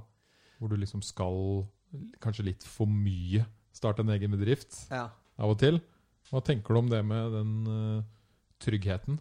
Jeg tenker den er farlig, og, og den er jo en, det finnes en annen kultur som jeg også har bodd i, som er enda verre, og det er Japan. Japan er jo ekstrem på det området der. Der skal man være hele livet. Hvis man først blir ansatt i Mitsubishi, så skal man bare ikke slutte. Og ikke bare skal ikke du slutte, men barna dine og barnebarna dine og hele slekta skal gå der, og du skal være der, og, du stiger i gradene, og det er det som skjer. Så det å utfordre japanere på dette med å overvinne frykten sin, det har vært superinteressant. Jeg har hatt noen sånne coaching session med folk, og få dem til å virkelig tørre ting. da. Og så er de jo så ekstremt tøffelige, så de tør jo aldri utfordre status quo eller trygghet ved å egentlig være tøff mot andre eller si ifra hva de mener. eller sånt. Så når jeg kom dit eh, Helt i starten så var det en helt fantastisk fyr som er veldig veldig empatisk, som de fleste av japanere er, som, eh, som var sånn veldig høflig overfor meg. da. Og si at ok, Før jeg drar herfra om uh, to og en halv måned, så uh, skal du uh, si noe rude, si noe uhøflig til meg. I en eller annen form for e-post eller melding. Oh. da sier han nei, it's never going to happen, sir. It's never going jo, jo, det skal skje. Og når du sier noe uh, uhøflig til meg, så skal jeg ta deg med ut på en lunsj.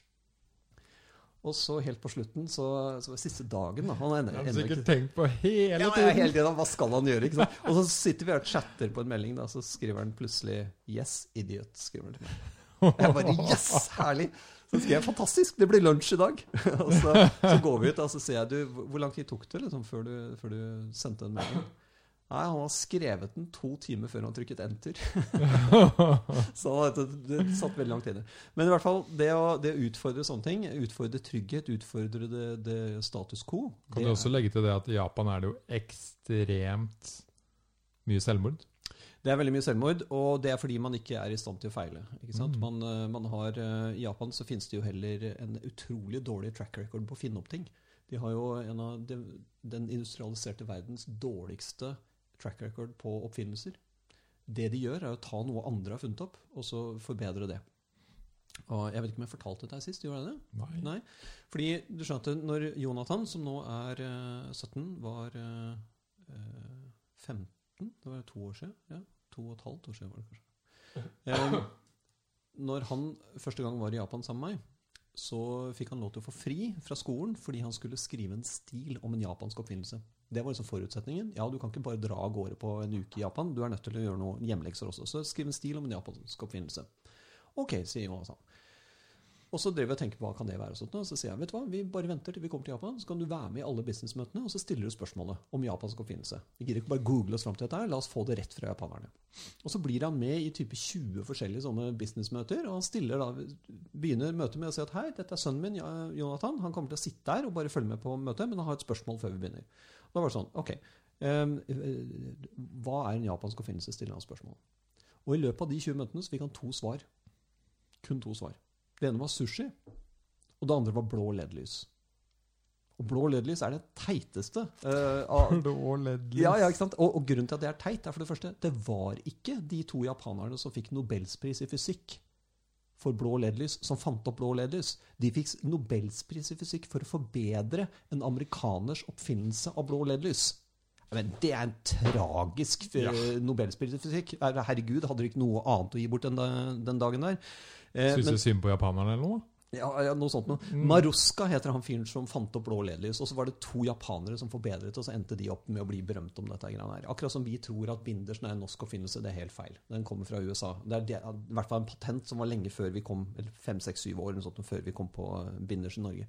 Men i hvert fall, eh, sushi? Nei.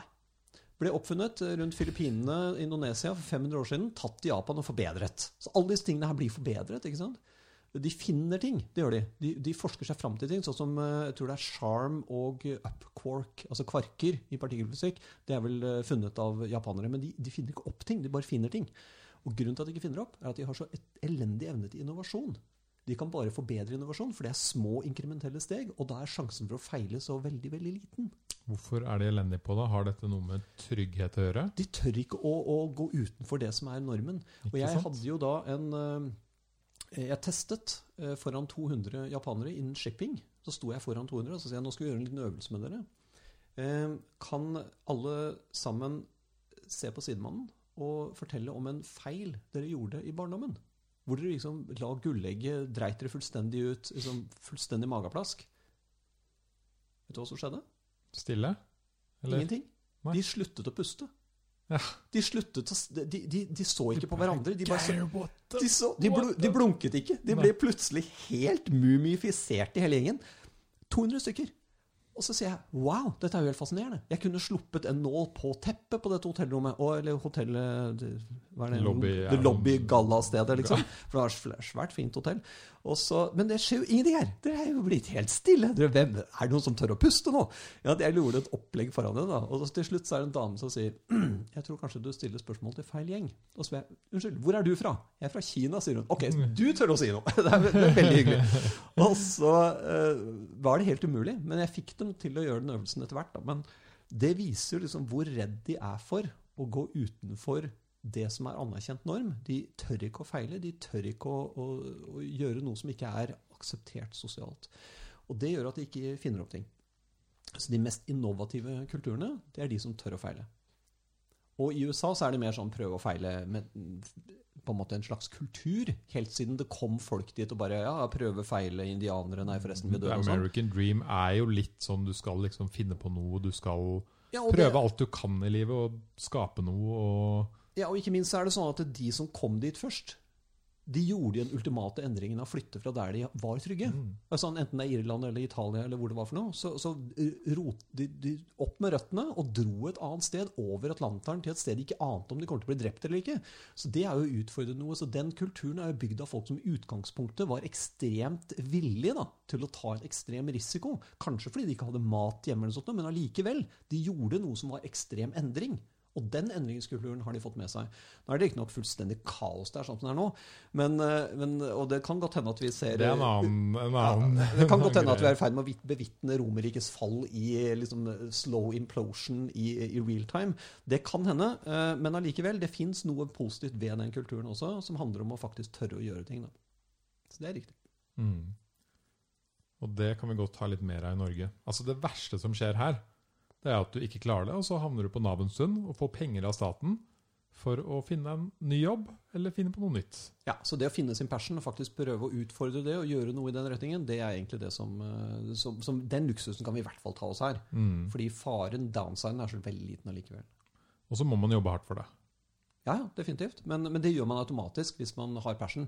Man føler man jobber Ikke hardt. alltid, Nei, men fordi man må liksom over den der av og til kneika, da. Det er riktig, Man må komme i gang og dytte bilen. Ja. Det, det er riktig. Men hvis du føler på lang sikt at det er hard jobb du driver med, da gjør du nok ikke det som er passionen din. På lang sikt. Fordi hvis du øh, altså Det er jo veldig få mennesker som hadde giddet å legge så mye arbeid ned i det og bli skiskytter, sånn som Tiril Eckhoff, hvis du ikke har passion om å gjøre det. Du sliter deg ikke gjennom liksom 20 år med skiskyting og hate saken. Det, det, det skjer ikke. Så det, du har helt rett i det å komme i gang, men når bilen faktisk ruller, så må det føles lett å gjøre det. Ellers så har du ikke passion. Jeg vil si det, det det må føles lett, men jeg tenker det er sånn Alle, alle ting er sånn Det burde være sånn 70% gøy og 30% slit. For du må gjøre de kjedelige tinga òg. Ja, ja du må, det, du, veldig ofte så må du det. ikke sant? Selv om det finnes jo et eksempel på en fyr som uh, hadde et intervju en gang, en som heter Eric Raymond, som er en kjent programmerer som startet hele ideen med open source. Ja. Det, det begrepet open source, det var han som fant opp det. Selv om uh, Richard Stallman lenge før det fant opp free software. Men han kom på begrepet open source. Og han uh, hadde et intervju en gang hvor han sier at jeg gjør bare det jeg syns er gøy. Ja, men hva, med, hva er det du ikke syns er gøy? Klippe plen syns jeg ikke er gøy. Ja, ok, Så plenen din ser helt jævlig ut, da? Nei, det gjør den ikke. Ja, hvordan kan du Gjør du det likevel, da? Nei, det gjør jeg ikke. Jeg får noen andre til å gjøre det. Jeg får noen som syns det er gøy å klippe plen, til å klippe plen, og så betaler jeg dem penger, og så gjør jeg noe annet som jeg syns er gøy. For jeg tjener mer penger på ting jeg syns er gøy, enn å gjøre ting som jeg ikke syns er gøy. Og da gir jeg heller jobben til folk som syns det er gøy å klippe plen, og i tillegg så får du penger for det. Mm. Helt perfekt. Det er Så jo i, i, en, eh, i en veldig perfekt verden for noen, da. Det er sånn skal du starte en bedrift. Fordi jeg har jo starta en bedrift. Ja. Og da må man jo lære hva faen et AS er. ja er hvordan økonomi funker. Ja. Og det er ikke sånn du bare kan outsource alt det. Nei. For du må vite litt om hvordan det går med bedriften din. Eh, ja, ikke sant? Og, og, og som regel så, så er det ikke alt det der du syns er gøy. Men det alternativet er jo det å prøve å lete etter noe ved det man kan like. Ja. Ikke Og der kan man ofte snu på hvordan man har eh, på en måte lagd en tanke hele livet. da. Ja. Om at f.eks. 'jeg liker ikke matematikk'. Og det kan man prøve å snu på, og det har jo kun med innstilling å gjøre. Så jeg som da hater liksom, begrepet regnskap, jeg tenkte at hm, er det noe jeg kan begynne å digge med regnskap? Ja, det er det, skjønner du. Fordi en av disse HP-kalkulatorene mine, som er HP92, er en finansiell kalkulator. Det er perfekt til å regne på ting som har med regnskap å gjøre. Og da fikk jeg plutselig brukt den kalkulatoren, og da ble det litt gøy likevel. Ja. Ja, så man kan prøve å finne en vinkling på er det noe ved dette her jeg kan like. Og hvis man finner den, da er man jo over til gøy igjen, da. Mm. Ikke sant? Men ja, det å komme seg litt ut av den trygge komfortsonen, det tror jeg er bra for folk. Det tror jeg også. Det kan være for mange eh, en på en måte en veldig eh, vanskelig ting å komme i gang med. Men som vi snakka om tidligere, start enkelt. Ta en kalddusj. Ja. Begynn der. Ta en kald dusj. Skriv ned ting du er fornøyd med ved deg selv. Mm. Skriv ned ting du ikke har fått gjort fram til nå. Ta det verste av de tingene. Bare gjør det. Akkurat den ene tingen her, for da får du dytta bilen i gang, og så kommer du nedover lista, og så begynner du å rulle, og så begynner du å føle at ja, dette går. Dette klarer jeg. Alt det, alt det greiene du skriver på den lappen, er skrot som ligger i huet ditt. Mm. Og det å få det ned på papiret er første steg. Det å få gjort den verste tingen, det er neste steg. Mm. Herlig, Geir. Da har jo folk fått masse kule tips i dag. Ja. Hva annet skjer i livet om dagen? Uh, det skjer jo fryktelig mye. Uh, Det- Hva tenker du om uh, hva, Har du noen tanker om rundt korona og den situasjonen der? altså jeg er såpass introvert at jeg digger jo å være aleine. Og digger å programmere og tøyse med mine ting og teleskop og sånt noe. Eh, Så, så jeg hadde egentlig håpet at denne lockdown-situasjonen hadde vart til 2022. Men når den nå ikke gjør det, så, så gleder jeg meg til å begynne å klemme på folk igjen. skal, jeg, skal jeg først faktisk ha kontakt med andre mennesker, eh, så skal jeg i hvert fall klemme på folk. Ja, altså en person som liker klemmer. Mm. Og det er jo sagt til alle som er her. Ja. Jeg er egentlig en, en klemmedude. Jeg kommer nettopp fra et møte med en dame som er sånn ekstremt klemmete. Og, og det, det, var, det var veldig sånn urart. Liksom, skal jeg møte Juni uten å klemme, liksom? Det var veldig rart. Så, Ja, jeg arrangerer jo uh, rave parties. Og der er man veldig glad i klemme. Ja. Og det er Vi hadde fest på Blå. Innenfor alle regler og liksom maks 200, og man måtte være rundt bordene sine og sånn. Ja. Men der måtte vi ha en, liksom en, en uh, samling med crewet først. Og bare sånn Vi veit vi er så jævlig glad i å klemme. Dette blir dritvanskelig. Antiklemmeparty. Ja. Ja. Men vi får bare Så skrev vi i eventet da at eh, den fistbumpen eller den skulderen eller noe, det er det, På dette, denne festen så betyr det den lengste, varmeste klemmen du har fått på lenge. Ja, ja, ja. Bare, bare få det ut av det som det er mulig å få ut av det. Da. Mm. Men USA, hva kommer til å skje der? Mm? Har du noen tanker om hva som kommer til å skje i USA? Nei, altså jeg eh, Følger du med? Ja, jeg følger veldig med. Jeg følger veldig, veldig med. Ehm, jeg mener at de har den situasjonen de fortjener, ehm, og det har vi alle sammen, egentlig. Ehm, men det er jo litt sånn trist å se at det, går til eh, åt skogen på mange måter. Samtidig så tenker jeg at eh, hvis de klarer å lære av dette her, så hadde det vært kjempebra. Eh, Men eh, jeg tror nok at utdanningssystemet i USA er så ødelagt at eh, det avler ikke akkurat spesielt høy intelligens, og det fører til at vi får dette og det som skal bli verre, kanskje. Så enten så klarer de bounce back og, og få f.eks. Trump, Trump ut av Det hvite hus, eller så fortsetter de med Trump sånn som det er, og da, da fortjener de jo det. Dessverre er resten av verden tror jeg kanskje ikke fortjener så mye, men vi får nå se. Det er, jo, det er jo underholdende, da, i den forstand at eh, media de har, jo- de har, Vi har fått et latskap i media. De vet jo hva de skal skrive om hele tiden. Det er jo et underholdningsshow. Dessverre så tar det bort oppmerksomhet fra klimakrisen. Det er det jeg syns det er, synes er egentlig ille. Mm. Fordi eh, Det er jo en, en virkelig krise. det, det er et problem. ikke sant? Det vi har i USA, det er jo et uh, realityshow. Uh, og det skal få oppmerksomhet, er jo litt symptomatisk for verden som den har blitt. At liksom det er disse underholdningsgreiene som betyr noe, og så kan det liksom rakne rundt oss, og vi bare sitter og ser på at ting begynner å brenne. Men eh, jeg håper at vi kommer tilbake til det å sette fokus på klimaet igjen, for det er det jeg mener bør ha det største fokuset. Mm. Hva tror du er noen viktige elementer for å snu klimakrisen til å bli noe Reversere? Jeg tenker at det vi har gjort med å få den eh, det, På utrolig kort tid så har vi gått over til elektriske biler. Eh, I veldig Norge, stor grad. I, I Norge, ja. ikke sant? Mm. Men også nedover i Europa så begynner det å skje mer og mer, og i USA så begynner det å skje mer og mer. Uh, og jeg Det er vel egentlig der jeg er mest sånn uh, Jeg har jo vært mye i Asia. Ja. Og der er det jævlig mye folk her. Ja, det, det er veldig mye folk. Jeg, ikke sant? India, Kina osv. Uh, Japan har jeg vært mye i. Men jeg tror at det, det er bra at vi begynner å elektrifisere. For det betyr at det, da blir avhengigheten på olje lavere. eh, og jo mer vi kan ødelegge oljeindustrien, ikke ved å bare eh, på en måte ta den bort rått, men faktisk å fjerne etterspørselen eh, ved å gå over til andre ting, det er det som betyr noe. Så Mm. flere alternative energikilder.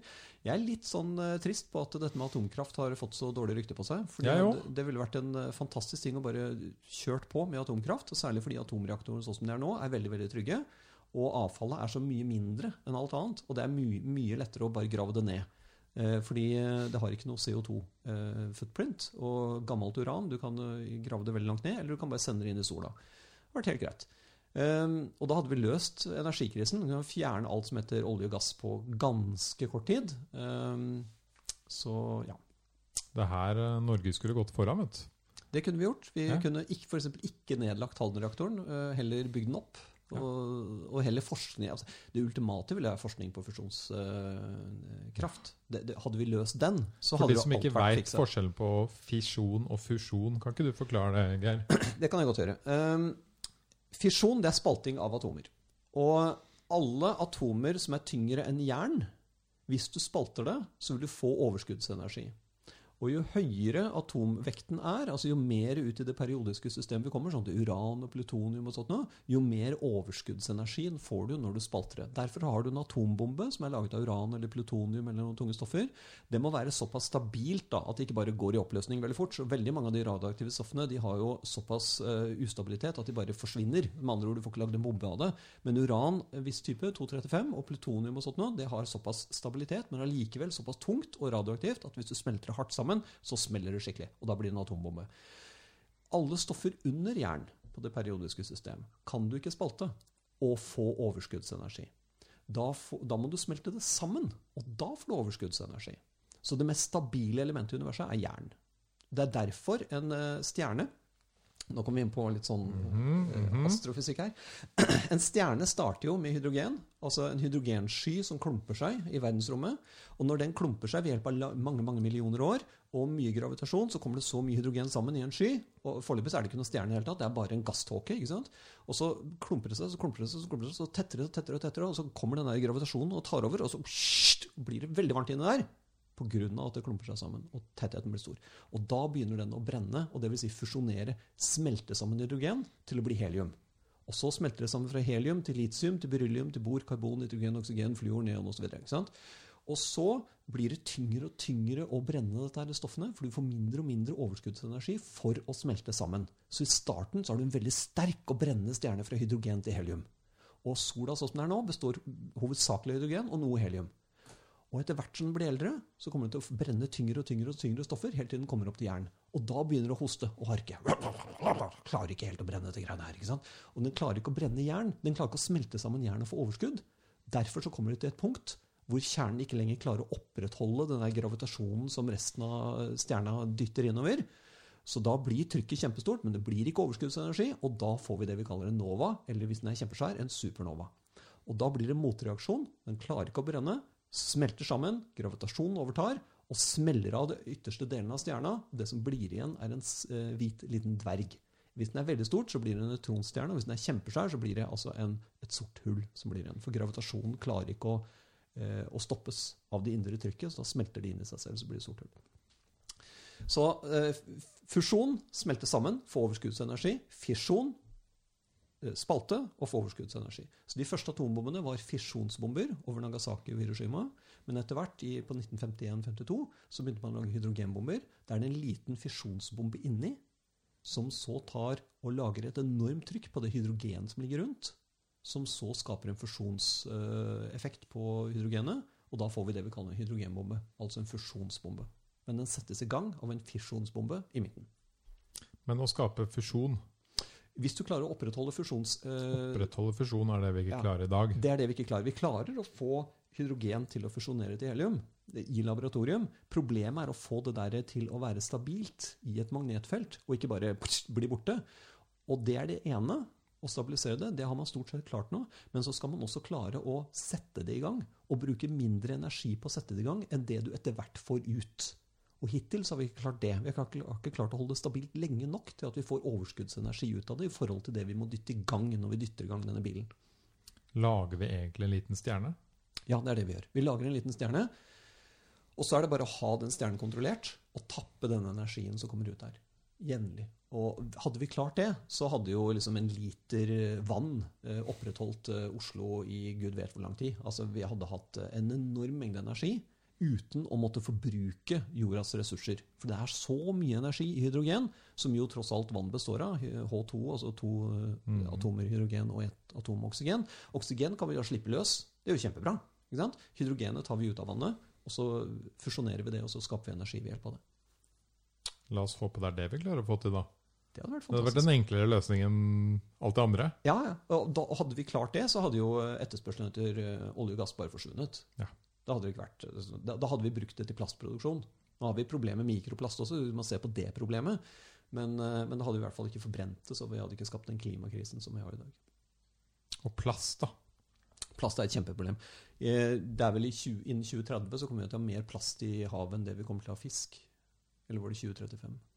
Det er en trist ting å tenke på. Det er helt grusomt. Det er fryktelig mye plast. Og det meste er eh, i form av form eh, mikroplast, altså veldig veldig små partikler med plast, som da er veldig vanskelig å gjøre noe med, og som kommer inn i fisk, og som kommer inn i oss igjen. Mm. Så vi, Det vi kaster ut, det får vi altså rett og slett tilbake. Så fleecegenser og alle sånne ting som består av plast, det vaskes, og så skylles det ut, ut i havet, og så kommer det inn i fisken og krabber, og alt sånt, og så spiser vi det, og så blir vi fulle av mikroplast. Og vi vet ennå ikke effekten av hva mye mikroplast i kropp på mennesket faktisk ut, utgjør av problemer, helserisiko, allergi, allergier, kreft osv. over tid. Det vet vi ennå ikke. I hvert fall ikke fulle. Og det er så sykt vanskelig også og det, det her er noe jeg alltid har sagt, da. Det er veldig vanskelig for uh, mannen i gata å på en måte føle at man kan gjøre noe med dette her. Ofte. Ja, det, det er det ofte, ikke sant? Og det er derfor jeg alltid har tenkt at løsningen, det må komme bedre løsninger, sånn som elbiler. Ja. Det, er et godt, det er et godt eksempel. Ja. Hvis elbiler er kule og kommer, og de blir etter hvert billigere, så gidder man jo ikke kjøpe noe annet. Nei. Og Det er den enkleste måten å gjøre det på. Og du kan si at uh, Eh, sånn som det er nå, så er det sånn krig mellom elbil og bensinbil. Men i det øyeblikket man fikk elbiler som hadde 1000 km rekkevidde på et uh, batteri, eller 2000 km rekkevidde, så ville det ikke vært noen som hadde kjøpt bensinbil mer. Eller, det skjer ikke. Nei, ikke sant? Nei. Eller, la oss si at du lader, Eller utenom de samlerne, da. Men samlerne, vi snakker om mannen i gata. Ja, mannen i gata. Eller dama i gata. Bare, eller ba, bare dra det veldig langt, da. Hvis du hadde en, eh, en, bil som når du kjøpte bilen, så var den fulladet med batteri, og du hadde aldri i løpet av din levetid klart å bruke opp det batteriet, det hadde ikke vært noen som hadde kjøpt noen annen type bil. Men bare sjakkmatt. ikke sant? Så vi er nødt til å komme med bedre løsninger. Det er helt riktig. Og vindkraft og vannkraft og fusjonskraft og hele sulamitten er nødt til å ta over for etterspørselen etter olje og gass. Det er det som er løsningen på sikt. Når det gjelder plast, så er det jo noen ting man kan gjøre. Man kan vaske tøyet litt sjeldnere enn det man gjør i dag. Man kan gå med, altså De aller fleste mennesker vasker altfor ofte tøy. Eh, og og de, du kan passe på å kjøpe ting som er av bomull, ikke Det er problemer med bomull også, men i hvert fall de plastproblemer løser du ved å slutte å kjøpe plasttøy. Altså type syntetisk materiale osv. Så, videre. så det er noen sånne småting man kan gjøre. Og så trenger du ikke Og så er det noen sånne enkle ting altså Det som irriterer meg så mye i butikker, er jo at alt er pakka inn i plast. Ja, og det er det neste, ikke sant? Eh, Alt, Men det som ikke er pakka inn i plast, sånn som frukt og grønnsaker, der trenger du ikke Altså noe er jo det, men ikke alt. Der kan du bare slutte med å ta det inni de, for eksempel, de jævla plastposene hele tiden. Mm. De små. Ja. Du kan ha med deg et nett. Ja. Ikke sant? Det er fullt ut mulig. Så, så det finnes sånne småting man kan gjøre, og hvis nok folk gjorde det, så vil det faktisk ha en reell impact. Da, ikke sant? Så, men eh, det er riktig at man trenger eh, bedre løsninger. Et, et annet problem for å ta dette med løsningssiden eh, Det er jo utrolig mye søppel i verdensrommet. Etter gamle satellitter som har gått i stykker. og sånt. Så det er jo en, her, en harang av søppel som snurrer rundt eh, jorden hele tiden. Og det er et problem for oppskyting av raketter potensielt, og for internasjonale romstasjoner og sånt. Fordi hvis du har søppel som går én vei rundt eh, jorda, og noe annet som kommer i en annen vei rundt jorda, så kan du risikere å bli truffet av ting i 22 000 km i timen. Og det er klart at uh, Uansett hvordan du bygger en uh, romstasjon, så vil du aldri klare å bygge den så fort eller så bra at du, får, uh, at du tåler ting som treffer den i 22 000 km i timen. Da kan du risikere å stryke med. Så, så det er et problem der ute. men nå har man funnet løsninger for å samle opp rommøkk, romdrit, og få det ned igjen. Så bare problemet blir stort nok Hvorfor må du få det ned, da? Kan du ikke bare få det bort? Ja, eller bort. bort. Ja, du har helt rett. Det, eh, men det er, det er, jo sånn som man gjør med gamle satellitter. Man bare lar det brenne opp i atmosfæren. Ja, nettopp. så man bare slipper det ned. Altså, de småpartiklene de, Sånn, de bare sitt, de forsvinner allikevel. Og de store tingene kan man slippe i havet, og så er det jern og sånn, så det er ikke noe problem. Eh, men eh, i hvert fall, da. Så et, en av tingene, som jo er kanskje en fin teori også, det er at bare problemet blir stort nok, så er mennesket såpass innovativt og flink til å løse problemer at man, eh, man må kjenne nok på problemet. Så kommer det motreaksjon, og så får vi løst det. Sånn som dette med space junk. da, ikke sant? Og et, kanskje det også skjer med plast, kanskje det også skjer med energi, kanskje det også skjer med Trump. Og det skjedde jo faktisk i Kina. For der var det virkelig ille, har vært virkelig ille lenge i byene. Ja. Man kunne jo ikke se mer enn fem meter, ikke sant. Ikke sant? Og det gikk til slutt så mye utover til og med de rike som bodde der. Til og med barna deres. Til og med toppolitikerne. At det var bare sånn Dette må vi gjøre noe med. Og jeg har en annen by hvor det der faktisk skjedde fra 80-tallet. Så var det jo den verste byen eh, jeg hørte om da jeg var liten. Det var jo Tokyo. Det var så ille at folk måtte gå med munnbind. Ikke fordi de ikke skal smitte andre, men rett og slett fordi det var jo ikke mulig å puste der. Altså? Det var, sånne, det var grusom forurensning. Og når jeg kom til Tokyo, så var jeg så overrasket nå for eh, fem-seks år siden jeg var der første gangen, at det var så utrolig ren luft. Mm. En nydelig luft i Tokyo. Du ser langt av sted. På 80-tallet ser jeg bilder av Tokyo. Det er helt, helt umulig å se hånda foran deg omtrent. Så der har de virkelig tatt tak i det. Men det er fordi problemet blir stort nok, da. Ja. Og det må føles på kroppen. Problemet kan ikke være sånn Ja, klima, jeg klarer ja, Det er deilig med god sommer og litt lengre varme og sånt men det må føles på kroppen. Og de landene som ligger rundt ekvator, de begynner å føle på kroppen nå. Såpass ille. Og så heldigvis så har vi rike nasjoner som Saudi-Arabia, eh, Forente arabiske emirater osv., som ligger akkurat der det er verst, og begynner å komme over 46 grader over lang tid, så er det grensen for hva mennesket tåler og klarer å svette ut og behandle som temperatur. Og da begynner du å få folk som dør av for høy temperatur. Og når de rike begynner å slite med dette her, da blir problemet stort nok, og de følger det på kroppen, og det blir gjort noe med det. Det er bare så kjipt det må gå så langt. Ja, det er jeg helt enig i. Det er altså også kjipt at det må gå så langt at du får en klovn til president i USA før du skjønner hvor ille utdanningssystemet faktisk er, så du faktisk kaster den. Jeg er helt enig i det òg. Og her i Norge så tar det lang tid før det går så langt. Vi er så få folk, folk, vi har det så bra, og det er ikke noen tornadoer og drit her. Og så sant? syns jeg det er så deilig når det blir lengre sommer og varmere og alt Ja, det der. og vi har jo masse olje, og det er så greit. Ja, når det blir 20 grader på Svalbard, så tenker de at ah, endelig. er så Shorts og T-skjorte, og så deilig. ikke sant? Det syns jeg er dumt. Nå er er liksom tiden vi i Norge kunne brukt på å investere og forandre oss. Hmm. Og jeg føler vi Vi gjør det litt, og så er vi veldig flinke til å skryte av det. Men under panseret så pumper vi opp olje som bare faen. Og, ja, og dette kan vi ta over til den enkelte person også. Det er de tidene hvor du har det veldig godt i livet. Hvor alt er trygt, og du har godt med penger, og alle er friske rundt deg osv. Det er da du skal tenke på at hm, er det noen endring jeg bør gjøre nå? Mm. Nå som jeg har den luksusen av å kunne endre hva som helst? Eller skal jeg bare ligge på sofaen og flippe Netflix? Ikke sant? Så, så man må kanskje tenke litt på det. At eh, nå er det jeg burde utfordre litt. Grann. Det er kanskje nå jeg burde komme ut av sofaen og begynne å trene litt, grann, eller gå på ski, eller gjøre noe annet. ikke sant? Og da blir du glad. Og da blir du glad. Og det tenker jeg vi kan uh, avslutte med i dag. Ja, dette var veldig hyggelig, som vanlig. Eller som vanlig, sier jeg dette andre gangen. Men uh, dette her var kult. Så Ja, ja, gjør gjerne dette flere dritkult. ganger igjen. Ja, det kommer til å skje, Geir. Jeg har jo sagt at du er favorittnæren min. Ja, dette er kult. Da blir du invitert tilbake. Dere kan alle sjekke ut Geir på isene.org. Isene.org, ja. Ja. Ja. Og fortell gjerne hva dere syns om episoden på, til Hennings Verden på enten Instagram eller Facebook. Mm. Uh, gleder meg til å få deg tilbake en annen dag, Geir. Det gleder jeg meg også til. Det blir supert. Yep. Takk for i dag. Takk for i dag.